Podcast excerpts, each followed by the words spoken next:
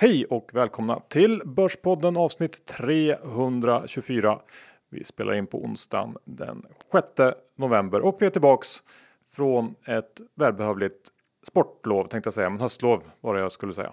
Ja, du är lite brun, inte lika albino som du brukar vara. Som, vad heter det, mannen som var munken i Dan Brown-filmen. Så kul att se dig fräsch och inte Ja. förkyld heller. Nej, precis. Jag har kurerat mig. Du ser ut precis som vanligt. Kanske lite, jag vet inte, surrare. Ja, men jag har faktiskt varit på rätt dåligt humör här sista två veckorna. Så kan det vara. Vi har en huvudsponsor i form av IG.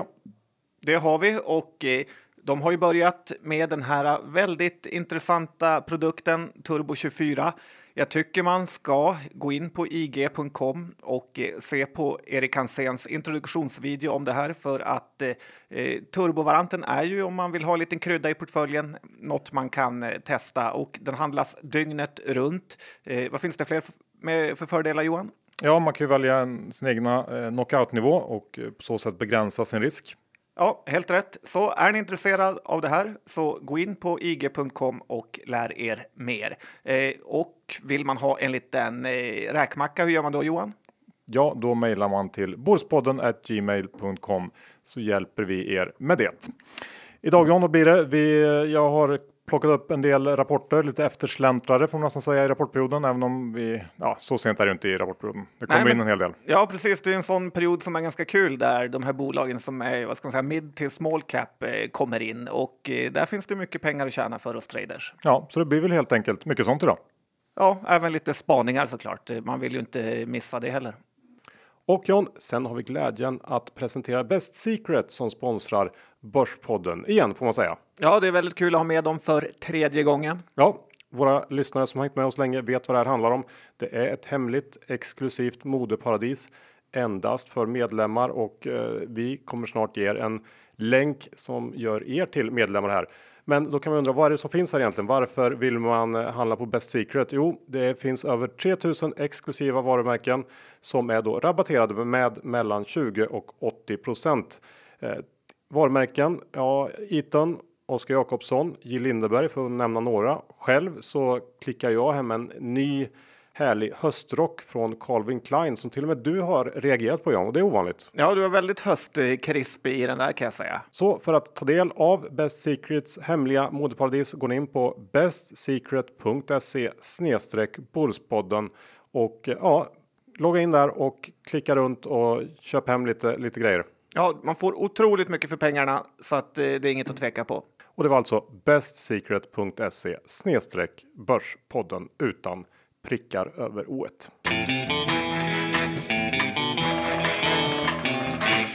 Johan Dr. Bass Isaksson, eller är det ett eh, dok, eh, herr Hås nu? Det är lite så här mindfucking med mig. Jag vet inte vem du är riktigt. Du är brun och du är HC. Vad har hänt? Eh, index i alla fall i 1767 och eh, eh, ja, det är ju HC på börsen, det får man säga, även om vi har några få punkters nedgång idag. Ja, men, så är det, men, men det här med herr Hås, det är ju bara när jag är på Solkusten, så nu är jag tillbaks. Eh, och vi snackade ju förra veckan om att eh, det känns som att vi är mitt uppe i någon slags blow-off fas på börsen och den känslan har väl förstärkts egentligen sen förra avsnittet tycker jag i alla fall. Det är eh, greed som regerar där ute och Ehm, jag vet inte, det, det jag har svårt att se hur man ska kunna krama ur ytterligare uppgång ur någon slags handelsavtalsoptimism eller något annat. Det, det är väl också en klassiker lite grann att börsen faktiskt toppar ur på bra nyheter. Eh, och lite som jag var inne på här förra veckan att det inte längre finns någon, någon wall of worry att klättra upp för. Så det gör att jag är lite liksom småorolig ändå. Eh, förutom min, min liksom basoro som alltid finns där. Men, men det känns som att vi börjar närma oss någon topp tycker jag ändå. Ja, men är det inte någon typ av journalistisk bottennivå att förklara allting med handelsoro eller handelsavtal? Man är ganska så trött på att läsa om det och det kan inte vara hela sanningen. Nej, eh, så är det väl. Jag håller med. Men, men vi, vi är inne i en väldigt stark period. Det är ju svårt att säga någonting annat om det och svårt att hitta billiga aktier om man inte letar sig lite neråt i kurslistorna. Eh, mer om det sen kanske. Men jag tänkte gå in på något helt annat. Nordnet har ju under rapportperioden haft eh, stora tekniska problem. Upprördheten bland traders är stor på Twitter och Det är mer hat nästan än eh, upprördhet. Ja, och det verkar ju eh, onekligen så att man har valt att köra sin plattform på sparlåga. och eh, att dagar när det händer lite mer, som till exempel under en rapportperiod, så brakar systemen samman och eh, folk kan inte lägga ordrar och så vidare. Eh, och samtidigt så levererar Nordnet rekordresultat. Så vår tes som vi hade presenterat för någon månad sedan om eh, att Nordnet dressas inför en försäljning tycker jag bara stärks här. Ja, verkligen. Det är bara att hålla med och det är ju fullständig eh, skandal att de inte klarar av att ha systemen i ordning. Jag har sett att Nordnet Axel har fått så mycket skit så att jag antar att vi har en utbrändhet eller eh, något liknande på honom i närtid. Kan nog vara så. Du, jag tänkte på det här med Herr Hås och Dr. Bass. Eh, för mig in på det här med negativiteten i Sverige, för jag blir ju ändå Dr. Bass när jag kommer hit. Måste ja. ju finnas någonting i vattnet tänkte jag säga. Men... Ja, både i vattnet och i luften och i modersmjölken. Men det är ju otroligt eh, mycket negativitet, eh, både i Sverige och om Sverige, om oss själva här. Eh, men när man åker världen runt så inser man vilket otroligt alfaland vi ändå är. Vägarna är fyllda med Volvo och Scania-lastbilar. Det är Ikea-saker vart man än går. Eh, hm butiker överallt. Thule-takboxar och cykelhållare. Fjällrävenryggsäckar går alla runt med. Eh, jag vet knappt något land förutom USA som har den här impacten internationellt. Eh, eh, men jag tror ju just att den här framgången vi har kommer från vår negativitet.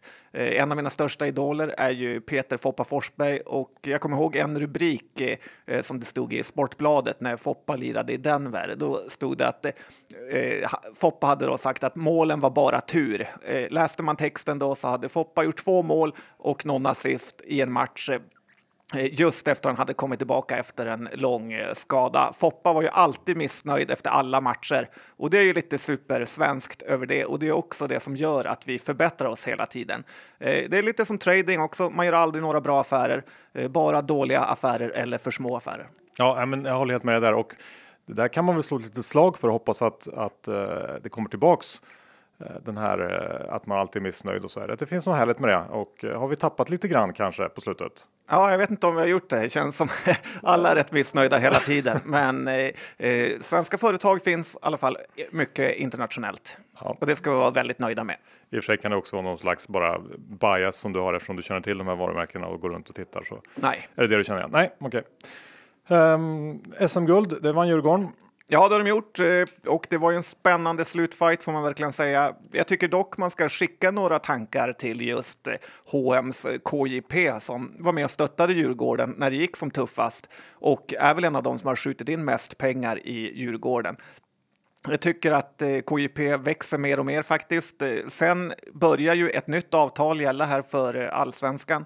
där Unibet är huvudsponsor som är mycket, mycket bättre än det Svenska Spel hade tidigare med allsvenskan. Så att man ska också komma ihåg här att i tider när spelbolagen får så otroligt mycket skit av politiker och mainstream-tyckare i DN så ger de faktiskt tillbaka massor till eh, sporten, vilket i förlängningen kommer göra att eh, svensk fotboll kommer kunna stå sig bättre i den internationella konkurrensen. Bättre spelare, bättre arenor. Eh, vi får inte glömma bort Betsson heller som eh, sponsrar SHL, så att spelbolagen har ju fina sidor med. Mm, men jag vet inte hur långt det räcker. Nej, förmodligen eh, lite längre än vad Svenska Spels pengar har räckt till. Ja, det är möjligt. Men när vi ändå är inne på, på spelbolag så får vi väl konstatera att det är ju fortsatt motvind när det gäller nyheter. Eh, det dök ju upp ett förslag i UK här om att begränsa storleken på på insatsen för online-kasinon eh, på samma sätt som man gjorde för fysiska maskiner här om året. Det var väl eh, två pund va, som, som maxgränsen är fysiska och det är väl något slags förslag. Jag vet inte om det är så långt gånget än, men, men där man pratar om att det ska vara samma typ av size på betten som ska tillåtas och eh, det här är väl en, en utveckling som i grund och botten är ganska rimlig och alltid har legat i farans riktning på något sätt. Varför ska man kunna spela för mycket större summor online än i fysiska spelbutiker? Det finns väl inte riktigt något vettigt argument för det. Och jag tycker väl att den här typen av, av utveckling med stegvis eh, försämrade villkor, eh, som i det här då, fallet begränsning av tjänsten man erbjuder, eller kanske genom höjda skatter som också dyker upp här och där det är väl antagligen en av de faktorer som man som investerare i den här sektorn bör fundera mest på nästan när man tittar framåt. Eh, har du någon, någon eh, jag antar att du också har noterat den här det här förslaget. Nej, men jag håller ju med dig faktiskt. Att jag tycker också det känns lite dåligt för sportsbettingbolagen där. Att det är inte omöjligt att det kommer eh, dit med heller. Eh, däremot så får jag en sån känsla om det är snart värt att leva om staten ska bestämma precis allting om allt man får göra överallt. Eh, vill man sätta 30 spänn på ett snurr kan man inte få göra det. Måste politikerna säga att det ska vara en 20 som gäller? Eh, jag vet inte. Några saker får de faktiskt hålla sig borta från. Ja, jag håller helt med dig där. Men vi får följa upp där och se vad som händer. Vi går nu över till Johns bolåneskola. Ja, men det har ju varit väldigt mycket snack om bolån och eh, bankerna försöker ju verkligen hetsa in nu svenska folket till att binda sina bolån. Eh, så att jag tycker faktiskt att det är på sin plats här. Vi kör det med ett eller två års mellanrum att vi kör John Skogmans bolåneskola här igen. Och eh, grejen är ju att bankerna bara vill tjäna pengar på dig som kund och eh, det, om det kommer bli billigare att binda så är det ju verkligen inte för att vara snäll med dig som kund utan att det är bra för dem. Jag skulle säga som jag alltid har sagt att det är riskablare att binda binda sitt eh, bolån än att inte binda. Man måste alltid vara beredd på att det oväntade kan hända och nu har vi sett i Danmark har ju Nordnet till och med sänkt eh, eh till minusränta för att ha pengar på kontot till 0,75 på kontanterna. Då. Eh, så att då om du har bundet eh, bolån och en massa kontanter så innebär ju det att eh, man förlorar i båda ändar. Och istället så om du inte har bundet så har du möjlighet att betala av bolånet och på så sätt både undvika minusränta men också ha ditt hus eller lägenhet som lite av en bankomat om det skulle bli sämre tider och uppstå fyndlägen. Ja, nej, men det, det är ett tips som alltid har funkat på något sätt. Um, vad ska vi säga nu John? Uh, november, du, uh, no Nikotin November. Ja, men jag har sett någon sån grej snurra runt på Instagram. Jag tycker det är lite fyndigt och eh, lite tänker jag då på Swedish Match eh, här, om man någonsin ska kunna få se en, ett högt p-tal på ett sånt eh, bolag. Eh, smaksatta cigarrer, snus och nu syn som enbart egentligen försöker locka ungdomar till att eh, snusa med olika så här, barnsmaker. Visst, det är bättre än rökning, men i grunden så frågar jag mig om bolaget verkligen har framtiden för sig. Nej, du, såklart, eh, där har du ju en, en poäng och eh, du är väl säkert inte ensam om den typen av fundering heller. Men vi lämnar det och tar det sista eh, ämnet under eh, del 1 och det handlar ju om eh, förtroendesiffror. Ja, det var 7% i förtroende för Bolund här, han som är Miljöpartiets eh, språkrör och även finansmarknadsminister. Och det kom, fick mig att tänka på ett avsnitt i Percy tårar eh, när de låtsades om att de var Expressen Fredag-redaktionen där och mobbade sönder en kille som hette Cesar. Eh, de gjorde de gjorde alltid olika listor och eh, en gång så skulle de göra en lista på vem som var sämst i världen och eh, då frågade de Caesar vem han tyckte skulle toppa den här listan, eh, men han fick inte säga sig själv. Och sen låtsades de då om att han sa sig själv ändå. Eh, det var ganska taskigt kan jag tycka. Eh, men jag får lite samma känsla här vad gäller finansmarknadsministern Bolund som nu har 7% av väljarnas eh, förtroende. Han hade 9% förut, men har lyckats med det omöjliga att bli ännu sämre. Eh, det sägs ju att politiker kan lura folket, men är ändå imponerad över det svenska folket som har genomskådat eh, någon som nästan helt på egen hand förstört den svenska finansmarknaden med sin klappjakt på småsparare. Ja, det är tufft för Cesar Bolund.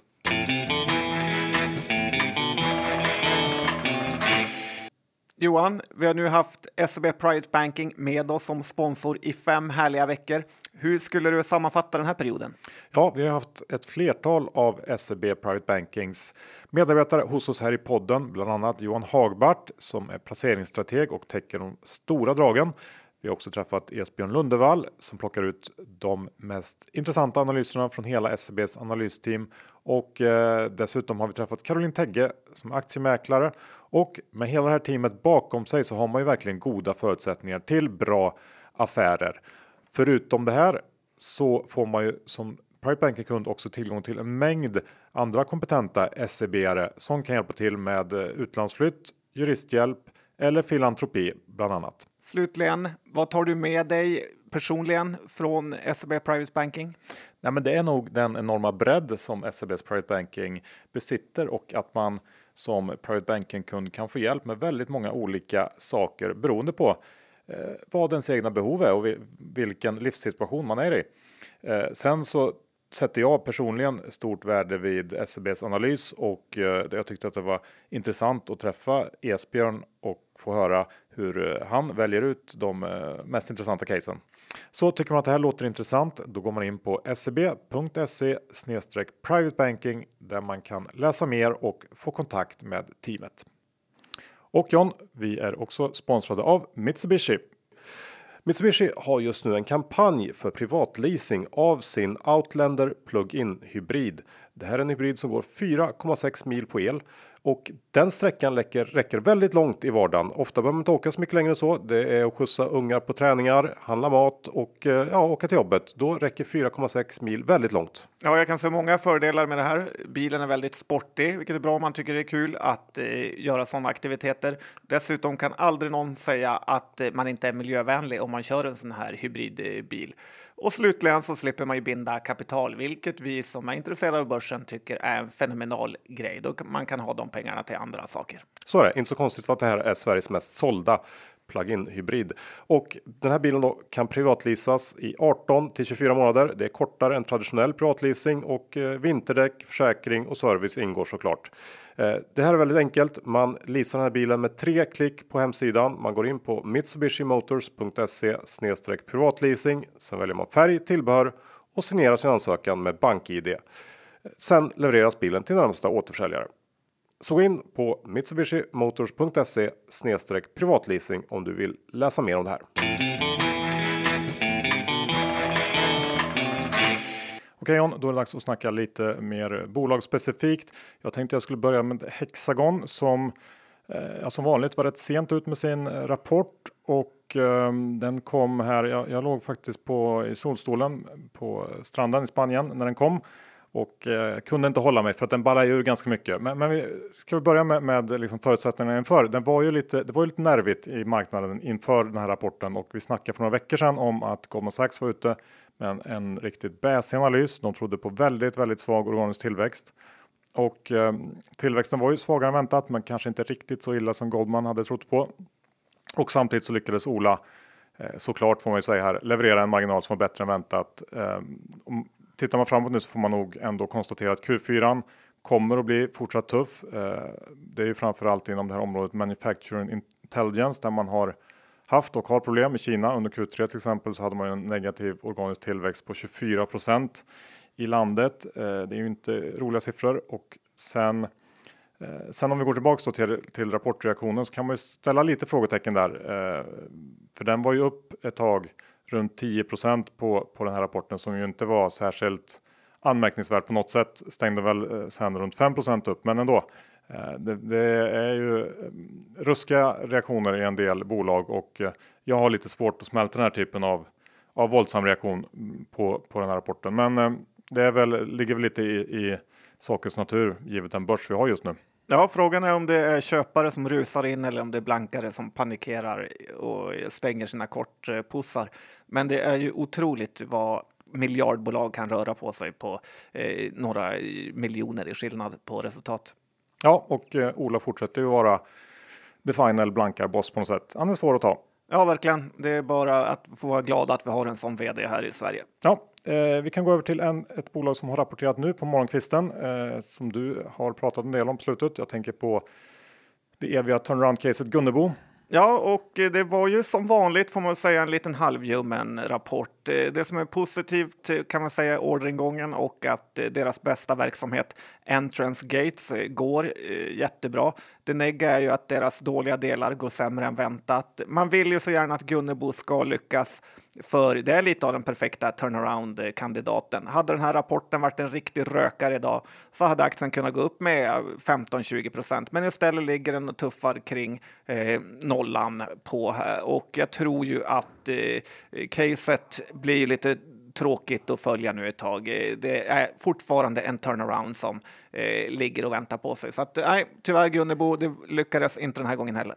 Nej, jag, jag gillar ju inte riktigt när, när eh, delar går sämre än befarat. Och I Gunnebo så var det ju verkligen så att eh, en par, ett par delar, i och för sig de mindre delarna, eh, men bland annat vad heter det här som gick allra sämst? Eh, Eh, Integrated Securities eller Cash Management. Ja, men precis. Tappar ju ganska rejält och det ser inte bra ut och det, risken är ju alltid att att det negativa på något sätt äter upp det eventuellt positiva. Så att ja, vi får se. Men det är klart, det fortfarande lever hoppet på något sätt. Ja, Ja, um, Ratos kan vi väl också ta. De kommer också med rapport. Ja, de börjar komma lite på fötter här och bolaget som eh, då heter Ratos har gjort bort sig så ofantligt mycket med flera dåliga vd-rekryteringar. Eh, båda har ju fått eh, tyvärr lämna rejäla spår efter sig. Susanne Campbell som köpte det oljeservicebolaget Aibel alldeles för dyrt när oljan stod eh, rekordhögt. Och sen hade de Agervall, hette han va, som eh, då köpte plantagen. Eh, och det här är ju två av Ratos största delar nu. Två bolag som eh, de borde ångra att de har köpt. Eh, dock så får man ju igen det på aktiekursen som har ju halverats på fem år. Eh, sen vad gäller Ratos så är ju redovisningen inte jättelätt heller att läsa eller räkna på. Och eh, det kan vara en bra trading-aktie. Den rör sig mycket just för att det är få som håller riktigt eh, bra koll på den här aktien. Eh, men jag skulle aldrig vilja köpa något av de här två stora, alltså Aibel eller Plantagen, separat. Även om det är intressant, som det stod i rapporten, då, att Aibel har lyckats komma in på den här vindkraftsmarknaden så känns det lite bättre än tidigare. Och Bisnode som gick också bra är ju ett av Ratos guldägg eh, som kan, kan vara värt eh, mycket mer. Eh, men man ska inte glömma bort att eh, även om värderingen känns ganska låg på det här då så eh, finns ju vissa av de här bolagen som är intrumliknande verksamheter som Bisnode har eh, så har ju de bolagen ingen jättehög värdering på börsen. Sen är det lite tragiskt också. Fast vänta nu, nu det, det är väl knappast rätt att jämföra med Intrum? Eh, ja, vissa delar skulle jag säga Johan. Det är väl mer jag har fått en kassokrav från dem där. Ja, men det är väl mer informationsgivning och eh, liksom. Eh, ja, jag vet inte. Som det finska, vad heter det? Askatieto eller vad heter de? Det vet jag inte. Nej, men visst, det är inte 100 procent får man säga. Nej, det får man nog verkligen säga. Eh, men det, det är... En, en två procent skulle jag säga. ja, men det räcker. Eh, lite tragiskt som sagt är ju också idag hur man ser hur EQT säljer delar av Anticimex eh, till en värdering på 22 miljarder eh, som Ratos då sålde till EQT för ett par år sedan för 2,9 miljarder. Det är en tiodubbling av pengarna som EQT har gjort och Ratos gått eh, miste om. Det är eh, inte annat än illa gjort av dem. Nej, så är det. Jag, jag fokuserar på annat. Till exempel John, eh, Bahnhof som inte har rapporterat ännu. Nej, spännande. Ja, jag har faktiskt köpt lite aktier, en liten, eh, ja, en liten rapportbett kanske eh, inför rapporten då, som kommer nästa vecka här för mig. Och det här är en aktie som haft en ganska tufft en period, gått från nästan 40 för ett år sedan för att nu handlas kring 23. Eh, och det handlar väl om en kombination av saker egentligen. Dels så var ju förväntningarna på den här datahallen Elementica. De var alldeles för höga och eh, de har nu justerats ner och ligger mer på någon slags optionsvärdesnivå. Eh, vi får se vad som händer där, men eh, dessutom så har ju lönsamheten pressats under första halvåret eh, på grund av prishöjningar från nätägare men eh, det intressanta är väl här att Bahnhof har kompenserat för det här. För det, här. det tar en liten stund att få igenom prishöjningarna ut till kunder, men, men nu har man gjort det och eh, marginalerna kommer att komma upp här under andra halvåret och i Q2 så skrev man faktiskt att lönsamheten eh, har förbättrats i slutet av kvartalet och i juni så levererar de en, en ebit-marginal på över 12 så att jag tycker att det är ganska, man kan nog vara ganska lugn med att, att H2 blir betydligt bättre och Eh, tittar man sen framåt lite grann så kommer man ha ganska lätta komps under första halvåret 2020. Eh, men kruxet lite grann är väl att bolaget har valt att hålla fast vid sin prognos för 2019 om 15% i tillväxt och 12% ebit marginal och den blir väl mer eller mindre omöjlig att nå upp till. Eh, så det finns väl en, en överhängande risk att den sänks här i samband med Q3 och eh, jag vet inte riktigt hur, hur, aktien skulle reagera på det. Det är väl i och för sig ganska väntat eller väldigt väntat att de eh, kommer att göra det. Eh, men jag har i alla fall köpt lite grann inför den här rapporten med tanken att jag kan eh, addera lite grann om aktien skulle reagera väldigt negativt på en sån här sänkning. Eh, men vi får se. Jag ehm, tycker ändå att det ser ganska ljust ut om man blickar förbi nu Q3 och, framåt in i 2020. 2020 vision. Ja, jag undrar lite vad den här Jon Karlung har gjort av mina 80 000 som han snodde i Elementic-affären. Han får gärna swisha tillbaka det om, om han hör. Sen är det, jag tycker att det är intressant med eh, Bahnhof och eh, skulle kunna haka på en sån här, här affär.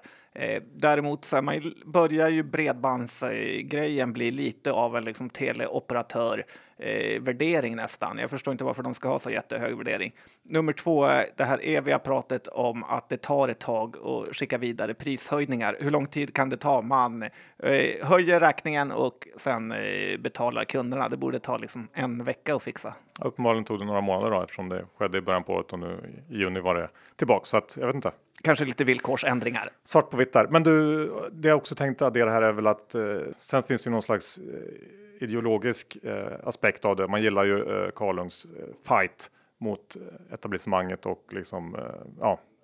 Ja, där har han ju 100% stöttning från oss. Ja, det kan man ju säga. Och det var någonting mer jag tänkte på när det gällde Bahnhof. Jo, Bredband 2 kommer ju också med, med rapporter idag faktiskt och det var ju en, en fin rapport. Aktien upp en del. Ja, finns ju likheter där även om man inte ska liksom, dra för många likhetstecken mellan de två bolagen. Vi är ju kanske inga fan av Bredband2 och deras ohemult dyra bredband som inte fungerar. Men, eh, och bindningstider på tre år som de har lurat på våra företrädare. Ja, så kan man säga. Men vi lämnar det och går över till vad då John? Prevas kanske? Ja, vill du prata lite Prevas? Trodde jag inte. Eh, de lämnade faktiskt en rökare till rapport här och nu har ju aktien gått upp så kolossalt mycket eh, sen vi började prata om den här för typ ett år sedan eller så. Och jag tycker det här verkligen visar på vilken skillnad en bra vd kan göra.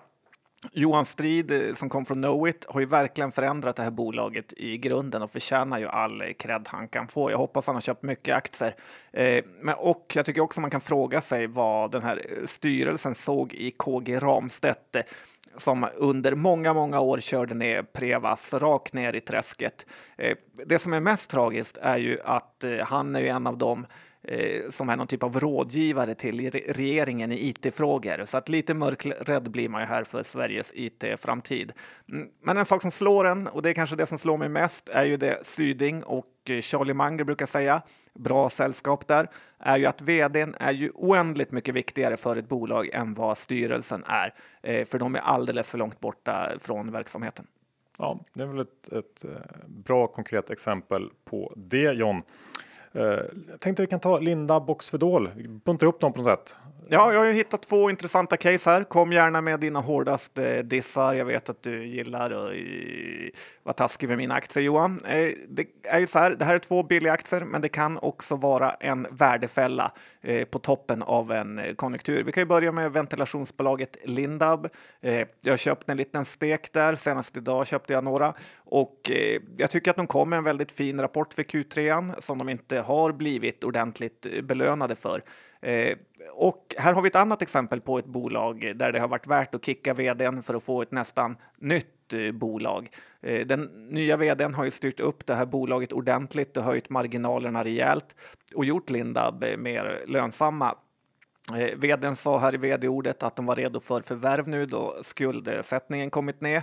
Eh, det negativa var väl att de sa att det skulle bli lite lugnare i Q4 här eh, också och det är väl kanske det som har gjort att aktiens eh, eh, uppgång då stannat av.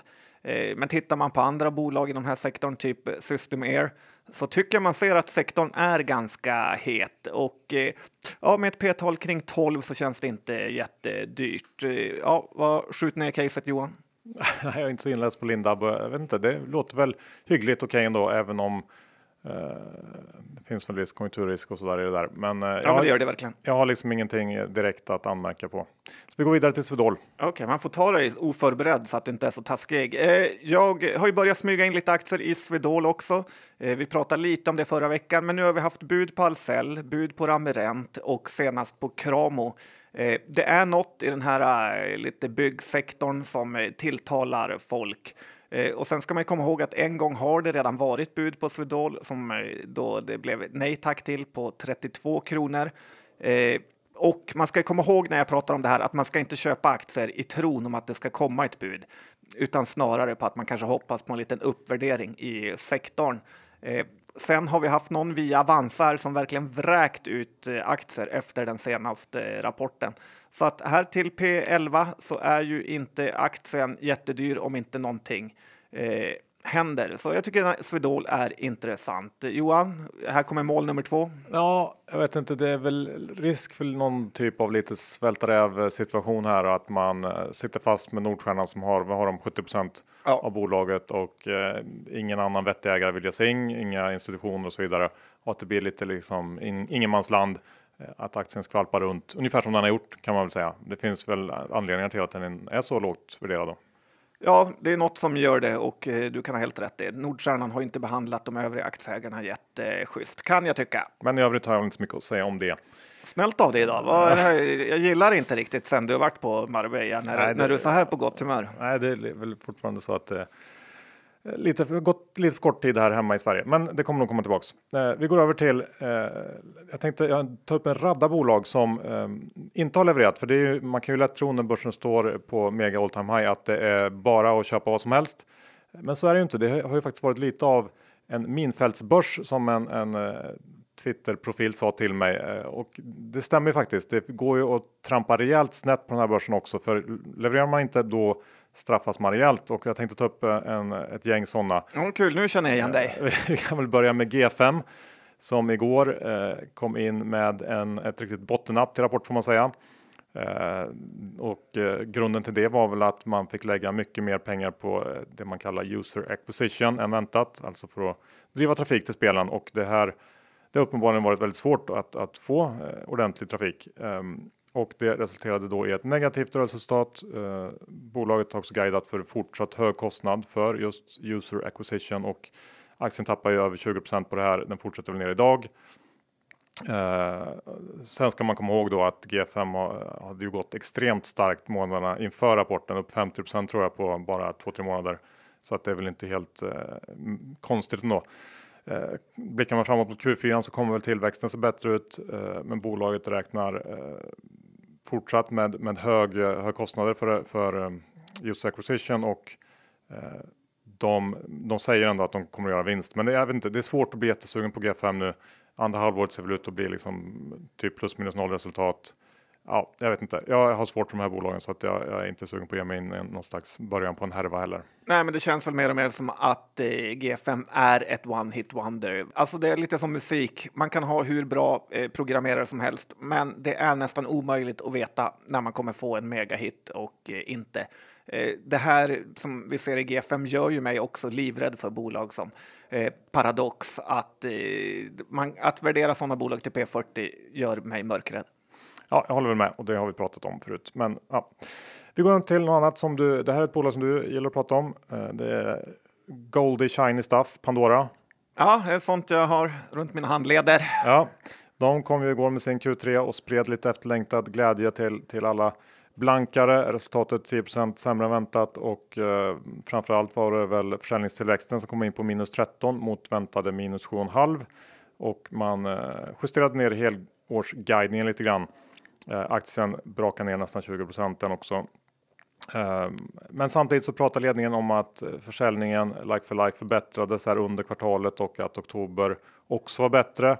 De har ju gjort någon slags relansering av sitt varumärke här och den genomfördes så sent som i augusti tror jag så att eh, det kanske kan börja ge lite effekt och skulle kunna kanske bidra till lite starkare avslutning på året här och om de lyckas på något sätt att vända det här momentum som som ändå är Eh, väldigt svagt när det gäller försäljningen så finns det såklart en stor uppsida. Värderingen är väldigt låg, ensiffriga multiplar, men man ska väl på något sätt vara medveten om att det fortfarande går riktigt, riktigt uselt för Pandora och eh, att det som ser billigt ut kan ganska snabbt vändas till till någonting som är mindre billigt på något sätt. Ja, det känns som Pandora är någon typ av så här glitterbutik fast de har köpt mycket dyrare lokaler och eh, har eh, coolare anställda. Jag har starkt sälj på Pandora, alltid haft. Ja, jag vet. Sen har vi, eh, eh, om vi ska fortsätta med mina, mina Ja, men gärna. Jag känner mig glad att höra det här. ja, då har vi ju den här elektronikdistributören Distit eh, som eh, rapporterar här i veckan. Det här var ett, ett case som lite av ett värdecase får man säga. Det byggde på att underliggande verksamhet skulle hålla sig stabil samtidigt som diverse besparingsåtgärder skulle lyfta vinsten. Eh, och eh, trodde man på det här då så såg bolaget rätt billigt ut, men Q3 ja, eh, var en kalldusch och grusade de förhoppningarna. Det, det fanns väl lite varningssignaler inför rapporten. CFO avgick bara dagarna innan och eh, ja, men det kändes väl lite allmänt olustigt bara. Och justerar man för diverse EO-poster i den här rapporten så föll ebit från 27,5 till 16 miljoner kronor under kvartalet. Eh, såklart betydligt sämre än väntat och det är ju precis den här typen av underliggande tapp man inte vill se. Besparingarna som eh, då tidigare, eller man trodde i alla fall att de skulle rinna ner till sista raden, de riskeras ju nu att, att ätas upp av fortsatt försvagning av verksamheten och jag vet inte, det, det, det här är en jobbig trend. Nu eh, fick vi se lite insiderköp efter rapporten och det är väl den enda ljusglimten ändå. Men eh, jag har svårt att se vad som ska få den här aktien att lyfta på kort sikt och det är också en sån verksamhet som man inte vill betala särskilt höga multiplar på. Att skiffla runt elektronik mm, ja, hit och dit. Nej, verkligen inte. Och sen har vi ju att hela eh, finanstwitter är långare här, vilket är en klassisk eh, värdefälla som alla kan inte bli rika och framförallt inte på Twitter. Och eh, sist men inte minst så rattas den ju på något sätt av Charets, eh, vad heter hans låda? Eh, ja, skitsamma, men han har ju inte heller levererat riktigt i år.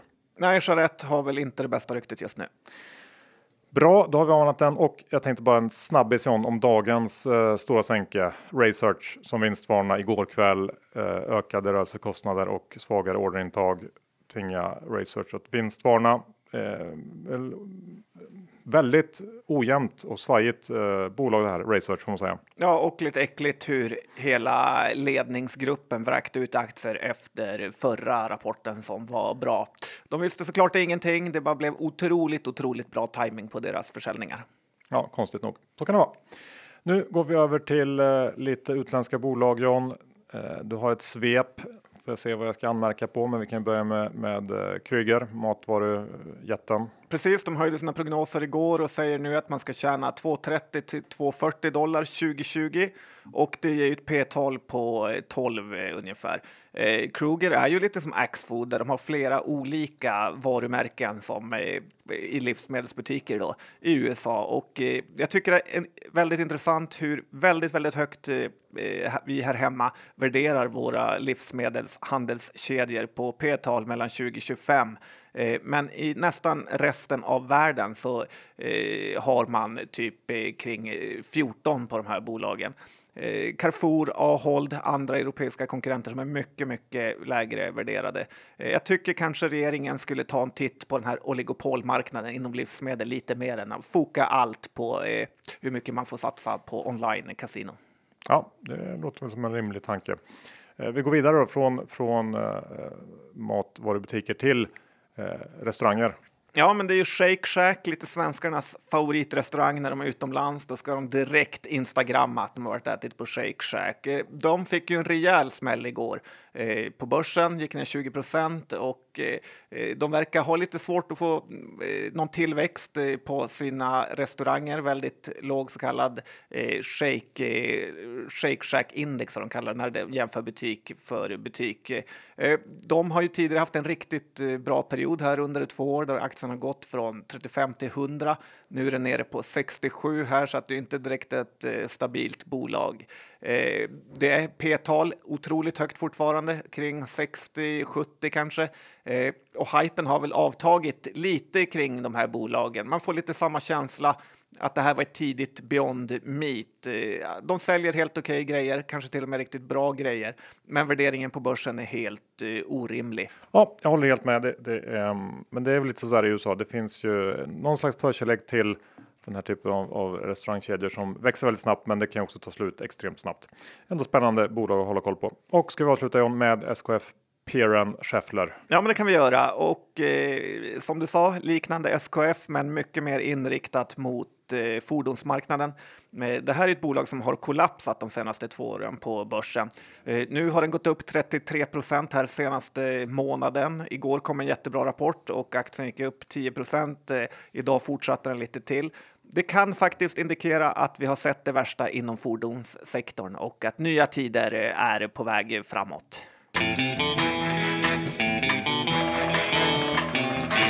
Slut på avsnitt 324. Vi säger tack till vår huvudsponsor IG.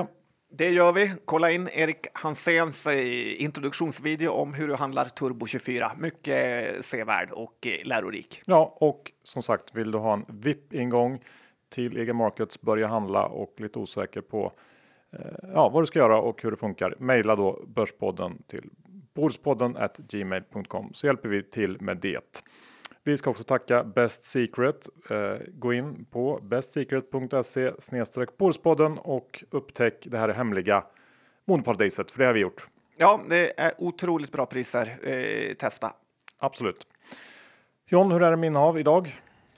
Ja, det är faktiskt eh, lite roligare än vanligt. Jag har ju både Svedol och eh, Lindab som jag sa. Eh, det var väl det faktiskt. Ja, och jag hade då Bahnhof och det var det. Då tackar vi för oss och hörs om en vecka. Hej då!